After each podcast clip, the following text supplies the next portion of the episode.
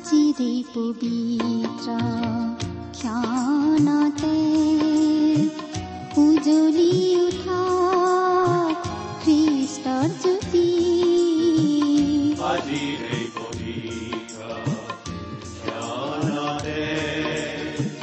উজলি উঠা খ্ৰীষ্টৰ জ্যোতি আকাশ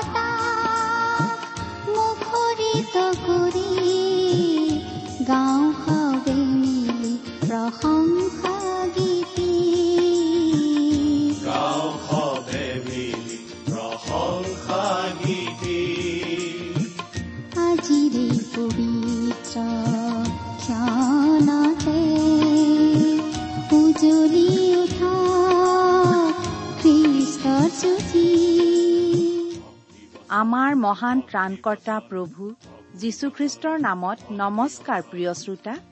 এয়া মুকলি কৰিবলৈ লৈছো বাইবেল অধ্যয়নৰ ধাৰাবাহিক অসমীয়া অনুষ্ঠান ভক্তি বচন। প্ৰতি মহান এজন প্ৰণাম তোমাৰ গ্ৰহণ কৰাই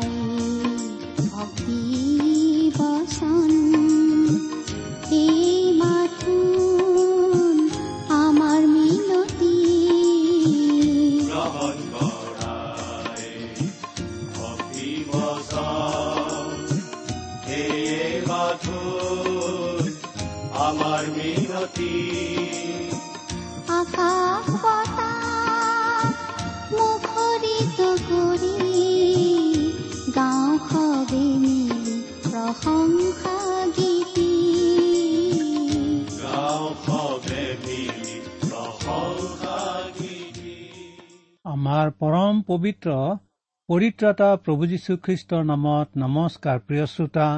এয়া আকৌ আপোনালোকৰ ওচৰলৈ আহিছো। বাইবেলৰ অধ্যয়নৰ অসমীয়া অনুষ্ঠান ভক্তি বচনৰ যোগেদি। আশা কৰো এই অনুষ্ঠান আপুনি নিয়মিতভাৱে শুনি আছে। শুনি কেনে পাইছে বাৰু? আপুনি বাৰু আপোনাৰ মতামত জনাই আমালৈ কেতিয়াবা চিঠি পত্ৰ লিখিছেনে? কেৱল মতামত বুলিয়েই নহয় কিবা জানিবলগীয়া সুধিবলগীয়া কথা থাকিলেও আমালৈ আপুনি লিখি জনাব পাৰে। আপোনালোকে হয়তো ভাবে চিঠি লিখাৰ কথানো কিয় ইমানকৈ কৈ থাকে? হয়তো একেটা কথা শুনি শুনি আমনিও পাব পাৰে। কিন্তু আমি এই কথাটো সদায় ক'বলগীয়া হয় কাৰণ আমাৰ শ্ৰোতাসকলৰ পৰা চিঠি পত্ৰ পাবলৈ আমি বৰ ইচ্ছা কৰো। চিঠি পত্ৰ পাই থাকিলেহে আমি বুজি পাওঁ যে আমাৰ এই প্ৰচেষ্টা অথলে যোৱা নাই। ৰাইজে এই অনুষ্ঠান শুনিছে বুলি আমি বুজি পাওঁ আৰু অধিক উৎসাহেৰে কাম কৰি যোৱাৰ প্ৰেৰণা পাওঁ। আকৌ এই অনুষ্ঠান শুনি কোনো শ্ৰোতাই উপকৃত হোৱা বুলি যাই লিখিলে আমি কাম কৰি যোৱাৰ দুগুণ উৎসাহ পাওঁ। সেয়ে প্ৰিয় শ্ৰোতা আজিয়ে হাতত কাগজ কলম লৈ আপুনি আমালৈ দুষাৰিমান এখন চিঠি লিখক। আহক প্ৰিয় শ্ৰোতা আজিৰ বাইবেল অধ্যয়ন আৰম্ভ কৰাৰ আগতে আমাৰ পৰম পিতা পৰমেশ্বৰৰ ওচৰত আমি মূৰ দুৱাই প্ৰাৰ্থনা কৰো হওক। আহক প্ৰাৰ্থনা কৰো। হে আমাৰ স্বৰ্গত থকা অসীম দয়ালু কৰোণাময় পিতৃ ঈশ্বৰ আপোনাক ধন্যবাদ জনাওঁ কাৰণ আপুনি আমাক আকৌ এটা নতুন দিন দেখিবলৈ দিলে আৰু আপোনাৰ বাক্য অধ্যয়ন কৰিবলৈ আৰু এটা সুযোগ আপুনি আমাক দান কৰিছে। প্ৰভু আপুনি আমাৰ সৃষ্টিকৰ্তা আপুনি সৰ্বজ্ঞানী সৰ্বব্যাপী সৰ্বশক্তিমান ঈশ্বৰ। আপোনাৰ আগত আমি তেনেই নগণ্য অযোগ্য সাধাৰণ নৰমনিচ মাত্ৰ। আমাৰ একো নাই যিহেৰে আমি আপোনাৰ দৃষ্টিত ধাৰ্মিক হ'ব পাৰো। কিন্তু আপুনি আমাক ইমানকে প্ৰেম কৰে যে আমাক নৰকৰ পথৰ পৰা উদ্ধাৰ কৰিবলৈ আপোনাৰ একেজাত পুত্ৰ আমাৰ পৰিততা যীশুখ্ৰীষ্টকে আমালৈ দান কৰিলে। তেওঁ মানৱ ৰূপে এই জগতলৈ আহিল আৰু আমাৰ পৰা নিজৰ শাস্তি প্ৰভু নিজেই তুলি ললে। নিজে গা পাতি লৈ ক্ৰছত আমাৰ সলনি আমাৰ হৈ মৃত্যুবৰণ কৰিলে। তেওঁক ত্ৰাণকৰ্তা বুলি গ্ৰহণ কৰি আমি আমাৰ সকলো পাপৰ ক্ষমা লাভ কৰি পৰিত্ৰাণ পাব পৰা হলো। তাৰ বাবে আপোনাক শত কোটি ধন্যবাদ জনাওঁ। প্ৰভু আপোনাৰ অপাৰ কৰোণাৰ কথা কৈ কৈ আমি শেষ কৰিব নোৱাৰো। এতিয়া আমি আপোনাৰ মহান বাক্য বাইবেল শাস্ত্ৰ অধ্যয়ন কৰিবলৈ লৈছো। আপোনাৰ বাক্যৰ নিগুৰুত্ব আপুনিয়েই আমাক বুজাই দিয়ক। আপোনাক আমি এই অনুৰোধ জনালো। আমাৰ এই অনুষ্ঠান শুনি থকা আৰু কিবা কাৰণত আজি শুনিব নোৱাৰা আমাৰ মৰমৰ শ্ৰোতাসকলক আপুনি বিশেষভাৱে আশীৰ্বাদ কৰক। তেওঁলোকৰ জীৱনত আপোনাৰ প্ৰেম প্ৰকাশ পাই উঠিবলৈ দিয়ক। তেওঁলোকৰ জীৱন সৰগীয় সুখ সৰগীয় শান্তিৰে উপচাই দিয়ক। এই অনুষ্ঠানৰ আৰম্ভণিৰ পৰা শেষলৈকে আপুনিয়ে আমাক পৰিচালিত কৰক। কিয়নো এই প্ৰাৰ্থনা আমাৰ মহান ত্ৰাণকৰ্তা মৃত্যুঞ্জয়ী প্ৰভু যীশুখ্ৰীষ্টৰ নামত অৰ্পণ কৰিলো। আমেন। প্ৰিয় শ্ৰোতা বাইবেল ঈশ্বৰৰ নিশ্বাসিত বাক্য জীৱন্ত বাক্য। এই বাক্য দুইধাৰে ধাৰ থকা আটাই তৰোৱালতকৈও চোকা। এই বাক্যই আমাক প্ৰতিজনকে কিবা এটা নহয় কিবা এটা কথা কয়। আমি মাত্ৰ শুনিবলৈ কাণ পাতি থাকিব লাগে। এই বাইবেল শাস্ত্ৰ অধ্যয়নৰ বাবেই আমাৰ এই ভক্তিবচন অনুষ্ঠান। এই অনুষ্ঠানৰ যোগে আমি বাইবেলখন এফালৰ পৰা অধ্যয়ন কৰি গৈ আছো। ইতিমধ্যে আমি বহু দূৰ আগবাঢ়িলো। আপুনি যদি আমাৰ এই অনুষ্ঠান নিয়মিতভাৱে শুনি আছে তেনেহলে আপুনি নিশ্চয় জানে যে আমি আজি কিছুদিন ধৰি বাইবেলৰ পুৰণি নিয়ম বা পুৰাতন বিধান খণ্ডৰ হুচীয়া ভাওবাদীৰ পুস্তকখনৰ পৰা অধ্যয়ন কৰি আছো। যোৱা অনুষ্ঠানত আমি এই হুচীয়া ভাওবাদীৰ পুস্তকখনৰ এঘাৰ অধ্যায়টো পঢ়ি আমাৰ আলোচনা আগবঢ়াইছিলো। তাৰ পাছত আমি কি পাইছিলো আপোনাৰ মনত আছেনে? আমি চমুকৈ মনত পেলাই লোৱাটো ভাল হ'ব। ঈশ্বৰে কৈছে যে তেওঁ ইছৰাইল জাতিক নিজৰ শিশুৰ নিচিনা জ্ঞান কৰে আৰু তেওঁই তেওঁলোকক মিছৰ দেশৰ বন্দী অৱস্থাৰ পৰা উদ্ধাৰ কৰি আনিছিল কাৰণ তেওঁ তেওঁলোকক অতিশয় প্ৰেম কৰে। কিন্তু ইছৰাইল জাতিটো বৰ অবাধ্য জাতি আছিল। তেওঁলোকে ঈশ্বৰক পৃথি দি আন অপদেৱতাবোৰৰ সেৱা পূজাত মগ্ন হৈ পৰিছিল। ঈশ্বৰৰ প্ৰতি অৱহেলা দেখুৱাইছিল। গতিকে ঈশ্বৰে তেওঁলোকক শাস্তি দিব। কিন্তু তেওঁ তেওঁলোকক প্ৰেম কৰে। গতিকে তেওঁলোকক একেবাৰে ধ্বংস কৰি নেপেলাব। কিন্তু সাময়িকভাৱে শাস্তি দিব। ভৱিষ্যতে তেওঁলোক আকৌ ঈশ্বৰলৈ ঘূৰিব। কিন্তু তাৰ আগতে তেওঁলোকে শাস্তি পাবই লাগিব। তেওঁলোকক অচুৰীয়া লোকবিলাকে যুদ্ধত পৰাস্ত কৰি বন্দী কৰি লৈ যায়। তেওঁলোকৰ ইছৰাইল ৰাজ্য উচ্ছন্ন হ'ব কিন্তু ভৱিষ্যতে তেওঁলোকক ঈশ্বৰে আকৌ গোটাই আনি সেই দেশত পুনৰ সংস্থাপিত কৰিব। আমি জানো যে ইছৰাইলৰ লোকসকলে ঠিক তেনেদৰেই শাস্তি ভোগ কৰিব লগা হ'ল কিন্তু তেওঁলোক এদিন পুনৰ সংস্থাপিত হবই। এই কথা ঈশ্বৰে কৈছে। এই কথা প্ৰভু যীশুৰ দ্বিতীয় আগমনৰ আগে আগে ফলিয়াব বুলি আমি আগতেই উল্লেখ কৰি আহিছো। এঘাৰ নম্বৰ অধ্যায়ৰ শেষৰ পদটোত আমি এটা কথা পাইছিলো যে ইছৰাইল জাতিৰ যি দুখন ৰাজ্য আছিল তাৰে দক্ষিণৰ ৰাজ্য অৰ্থাৎ জিহুদা ৰাজ্যৰ অৱস্থা বেছি বেয়া নাছিল। কিন্তু উত্তৰৰ ৰাজ্য অৰ্থাৎ ইছৰাইল ৰাজ্যৰ অৱস্থা অতি শোচনীয় আছিল। তেওঁলোকৰ ৰজাবোৰ আছিল অতি হীন নিজ প্ৰকৃতিৰ। গতিকে ঈশ্বৰে জিহুদা ৰাজ্যতকৈ আগতে ইছৰাইল ৰাজ্যক শাস্তি বিহিব বুলি জনাই দিছিল। আৰু ঠিক তেনেদৰেই ঘটিছিল। বাৰু এয়া আছিল এঘাৰ নম্বৰ অধ্যায়ৰ কথা। আজিৰ অনুষ্ঠানত আমি তাৰ পাছৰটো অধ্যায় অৰ্থাৎ বাৰ অধ্যায়ৰ পৰা চাব খুজিছো। হুচীয়া ভাওবাদীৰ পুস্তক বাৰ অধ্যায়ৰ পৰা। আপুনি বাৰু আপোনাৰ বাইবেলখন মেলি এই অধ্যায়টো উলিয়াই লৈছেনে? যিহেতু এই অধ্যায়টো বাইবেল অধ্যয়নৰ অনুষ্ঠান গতিকে অনুষ্ঠান শুনিবৰ সময়ত কেৱল বাইবেলখন মেলি লোৱাই নহয় লগত কাগজ কলম লৈ লোৱাও ভাল। কিবা কথা আপোনাৰ লিখি ল'বলৈ মন যাব পাৰে? মনত কিবা প্ৰশ্ন থাকিলেও লিখি থব পাৰে নহলে পাছত পাহৰি যাব। আপুনি হয়তো ভাবিছে ইমানবোৰ পাতনি নেমেলি আচল কথালৈনো নাহো কিয়? আহিছো প্ৰিয় শ্ৰোতা। এতিয়া আমি বাৰ অধ্যায়ৰ পৰা চাই যাম। প্ৰথমতে আমি গোটেই অধ্যায়টো পাঠ কৰি লৈছো। এয়া পাঠ কৰি লৈছো।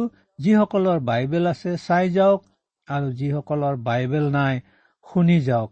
পাঠ কৰিছো। ইফ্ৰইমে বায়ু আহাৰ কৰে আৰু পূবৰ বতাহক খেদি যায়। তেওঁ অনবৰত মিছা কথা আৰু অত্যাচাৰ বঢ়ায়। তেওঁবিলাকে অচুৰে সৈতে নিয়ম বান্ধে আৰু মিছৰলৈ তেল পঠাই দিয়ে। জিহুদাৰ ওপৰতো জিহুৱাৰ গোচৰ আছে। তেওঁ জাকুবক তেওঁৰ আচৰণ অনুসাৰে দণ্ড দিব তেওঁৰ কাৰ্য অনুসাৰে তেওঁক প্ৰতিফল দিব। গৰ্ভৰ ভিতৰত জাকুবে তেওঁৰ ককায়েকৰ গুৰুৱাত ধৰিছিল আৰু নিজ শক্তিৰে ঈশ্বৰৰ লগত যুদ্ধ কৰিছিল। এনেকি তেওঁ দুজনাৰ লগত যুদ্ধ কৰি জয়ী হৈছিল? তেওঁ সেইজনাৰ ওচৰত কান্দিলে আৰু মিনতি কৰিলে জিহুৱাই তেওঁক বৈ তেলত পালে। সেই ঠাইত জিহুৱাই আমাৰে সৈতে কথা বাৰ্তা হল। তেওঁ জিহুৱা বাহিনীবিলাকৰ ঈশ্বৰ। জিহুৱা তেওঁৰ নাম।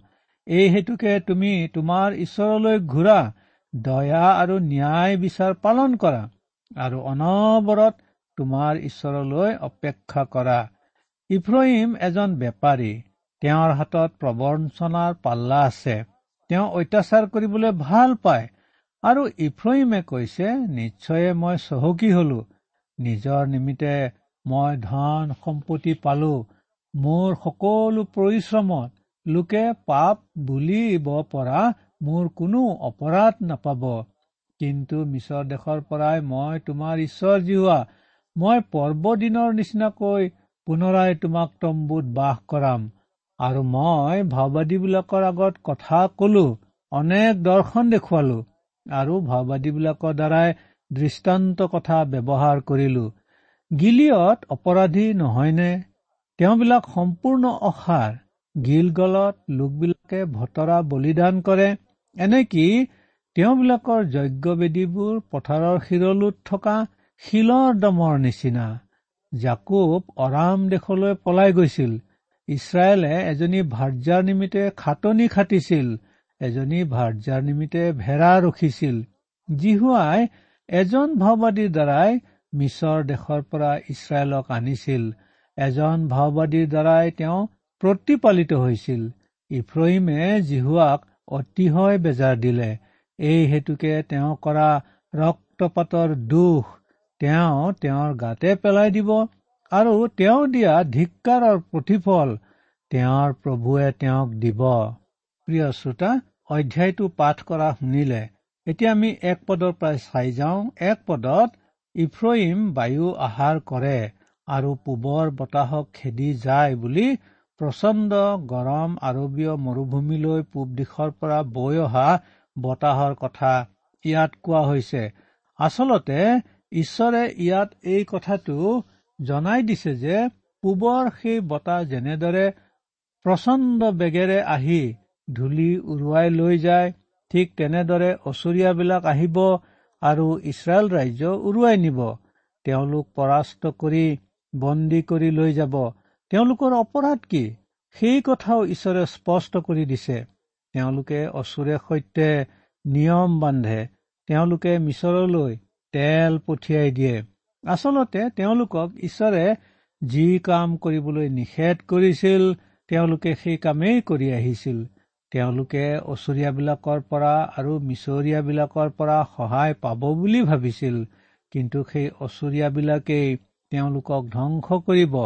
প্ৰিয় শ্ৰোতা আজি আমিও সাৱধান হোৱা উচিত।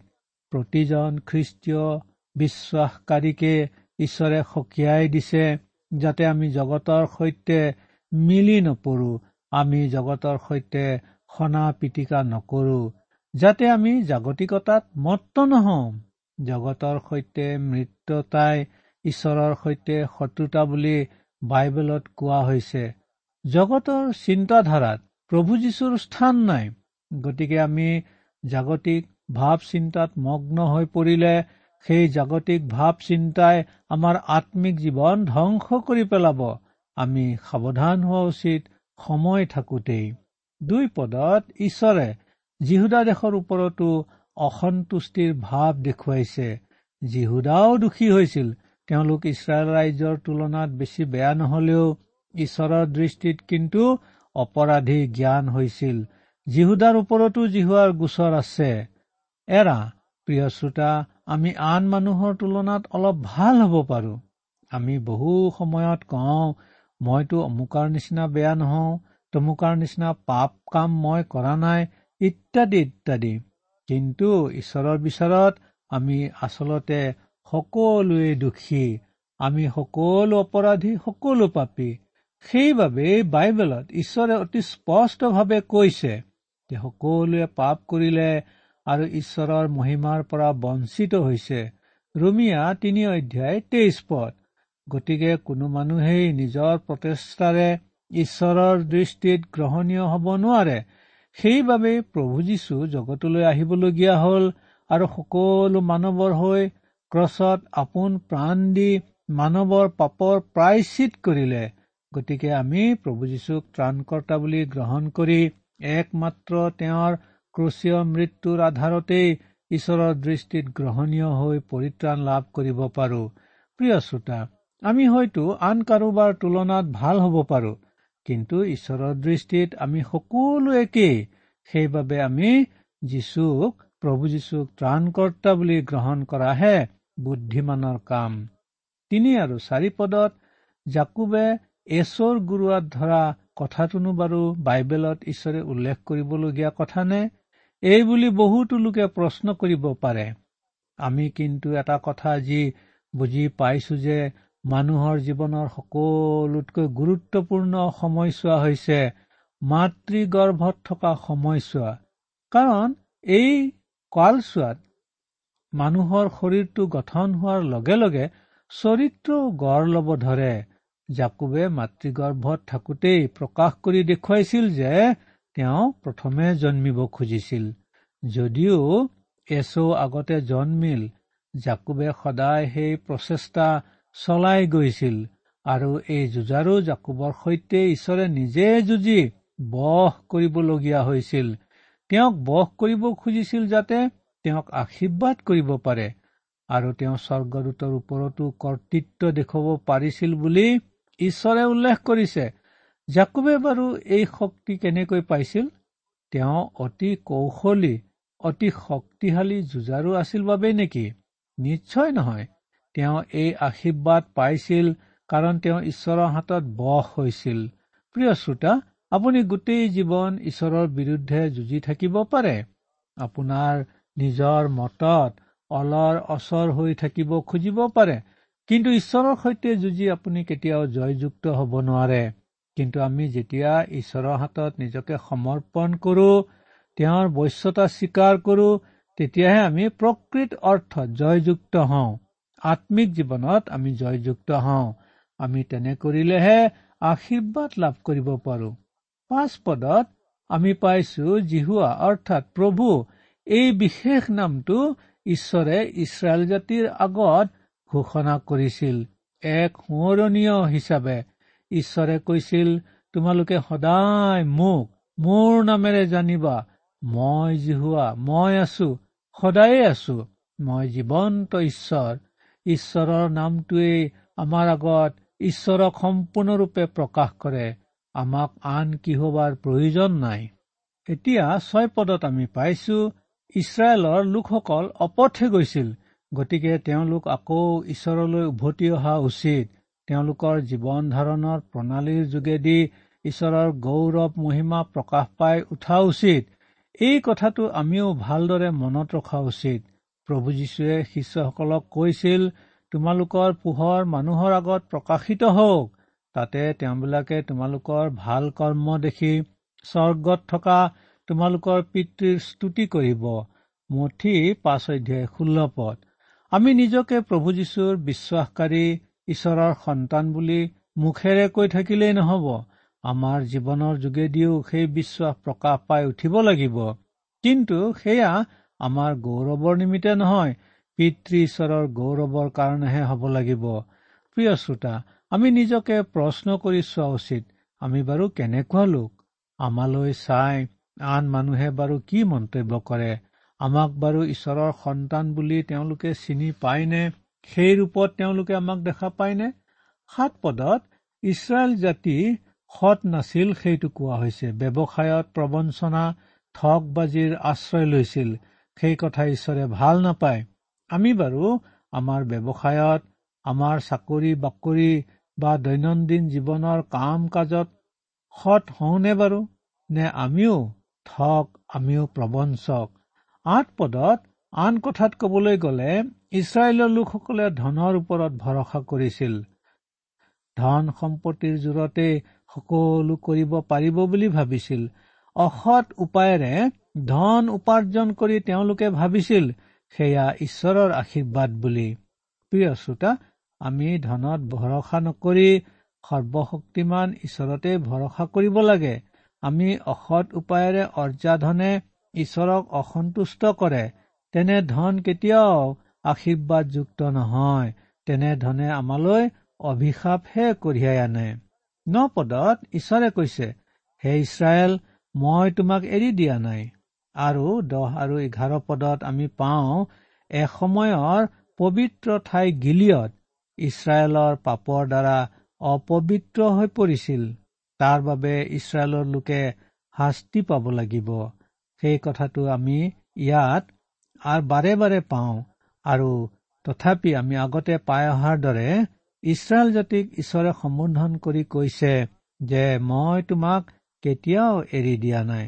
সেয়া কিমান সুন্দৰ কথা। এতিয়া শেষৰ কেইটা পদ অৰ্থাৎ বাৰ পদৰ পৰা চৈধ্য পদলৈকে এই তিনিটা পদত ইছৰাইলৰ কাৰ্যকলাপে ঈশ্বৰক অসন্তুষ্ট কৰা আমি দেখা পাওঁ। এই হেতুকে তোমালোকে ঈশ্বৰৰ পৰা শাস্তি পাব লাগিব বুলি ঈশ্বৰে তেওঁলোকক সোঁৱৰাই দিছিল। তেওঁলোকে কৰা ৰক্তপাতৰ দুখ তেওঁলোকৰ ওপৰত পৰিব বুলি তেওঁ তেওঁলোকক সোঁৱৰাই দিছিল। মুঠতে ঈশ্বৰৰ দৃষ্টিত যি সকলো পাপ কাৰ্যৰ পাপৰ শাস্তি তেওঁ থৈছে তেওঁলোকে পাবই বুলি ঈশ্বৰে তেওঁলোকক জনাই দিছিল আৰু সেইদৰেই ঈশ্বৰে কবৰ দৰে সকলো ঘটিছিল। প্ৰিয় শ্ৰোতা আমিও আমাৰ পাপৰ শাস্তি পাবই লাগিব। কিন্তু আমাৰ সকলো পাপৰ শাস্তি প্ৰভু যীশুৱে ললে। ক্ৰছৰ ওপৰত আমাৰ হৈ মৃত্যু বৰণ কৰাৰ দ্বাৰাই সেইবাবে আজি আমি তেওঁক ত্ৰাণকৰ্তা বুলি জানো। প্ৰিয় শ্ৰোতা আমি পাপী সেই কথা যেতিয়া আমি জানো আৰু পাপৰ শাস্তি হবই বুলিও আমি যেতিয়া জানো তেন্তে আমাৰ এতিয়া কৰ্তব্য কি? প্ৰভু যীশুৱে আমাৰ হৈ নিজে আমাৰ পাপৰ যি শাস্তি বহন কৰিলে কালবাৰীৰ ক্ৰছৰ ওপৰত আৰু এতিয়া যিমানবিলাকে তেওঁত বিশ্বাস কৰে তেওঁৰ সন্তান হবলৈ ঈশ্বৰে যিহেতু তেওঁলোকক ক্ষমতা দিয়ে তেতিয়া আমাৰ কৰ্তব্য কি? তেতিয়া আমাৰ কৰ্তব্য হৈছে আমি তেওঁলৈ অহা আৰু তেওঁক আমাৰ জীৱনৰ পৰিত্ৰাতা আৰু প্ৰভুৰূপে গ্ৰহণ কৰি তেওঁকেই আমি চলা আৰু তেওঁৰ বাক্যমতে জীৱন ধাৰণ কৰা। তেতিয়া পাপৰ শাস্তিৰ পৰা অকল ৰেহাই পোৱাই নহয় আমি অনন্ত কাললৈকে সৰগত অনন্ত জীৱনৰ অধিকাৰী হম। সেই জীৱন আপুনি লাভ কৰিছেনে সেই জীৱন লাভ কৰিবলৈ আপোনাৰ ইচ্ছা আছেনে সেই জীৱন প্ৰভু যীশুখ্ৰীষ্টৰ বাহিৰত আপুনি কেতিয়াও পাব নোৱাৰে। আৰু সেইকাৰণে প্ৰভু যীশুৱে আজি সকলোকে নিমন্ত্ৰণ জনাই কৈছে হে পৰিশ্ৰান্ত আৰু ভাড়াক্ৰান্ত লোকসকল তোমালোক মোৰ ওচৰলৈ আহা। যদি কিবা কৰি কৰি তোমালোকে ভাগৰি পৰিছা তোমালোকৰ আমনি লাগিছে তথাপি তোমালোকে একো উপকাৰ পোৱা নাই। তেন্তে তোমালোক মোৰ ওচৰলৈ আহা। মই তোমালোকৰ কাৰণে মোৰ জীৱন দান দি সকলো মূল্য বহন কৰিছো। মোৰ ওচৰলৈ আহা মুঠ আশ্ৰয় লোৱা মুঠ বিশ্ব স্থাপন কৰা। তোমালোকে সেই সকলো জিৰণি লাভ কৰিবা। প্ৰিয় শ্ৰোতা সেই নিমন্ত্ৰণ শুনি তেওঁক আপুনি গ্ৰহণ কৰিবনে? ঈশ্বৰে আপোনাক আশীৰ্বাদ কৰক। নমস্কাৰ।